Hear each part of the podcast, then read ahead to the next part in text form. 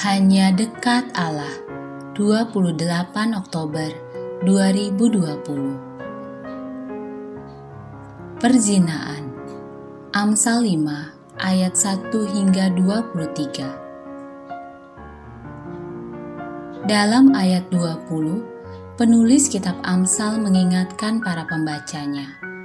Hai anakku, mengapa engkau birahi akan perempuan jalang dan mendekap dada perempuan asing? Dalam Alkitab Bahasa Indonesia masa kini tertera, apa gunanya bernafsu kepada wanita lain anakku? Untuk apa menggauli perempuan nakal? Mengapa ada orang tergoda berzina? Mungkin karena mereka termakan peribahasa, rumput tetangga lebih hijau daripada rumput sendiri. Sebenarnya tak ada yang salah dengan peribahasa itu.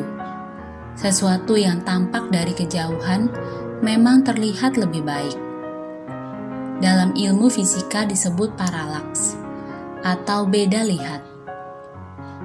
Jika demikian, baik juga jika kita pergi ke rumah tetangga dan dari sana lihatlah rumput di halaman rumah kita.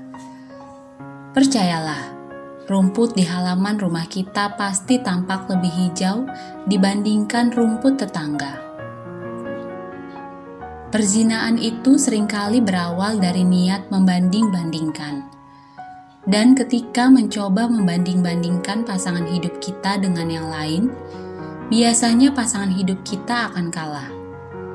Sebab kita telah merasakan dan mengalami kelemahan-kelemahannya sedangkan yang lainnya itu pasti hanya tampak kekuatannya, karena kita memang belum mengenalnya terlalu dalam.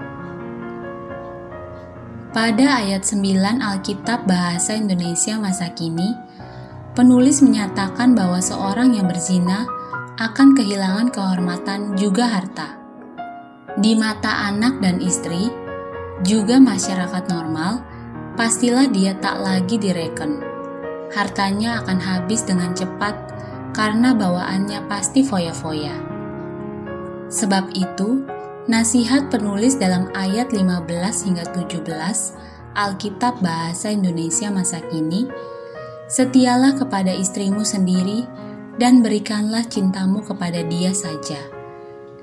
Tidak ada gunanya bagimu mencari kenikmatan pada orang yang bukan istrimu Kenikmatan itu khusus untuk engkau dengan istrimu, tidak dengan orang lain.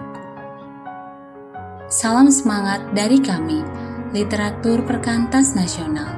Sahabat Anda bertumbuh.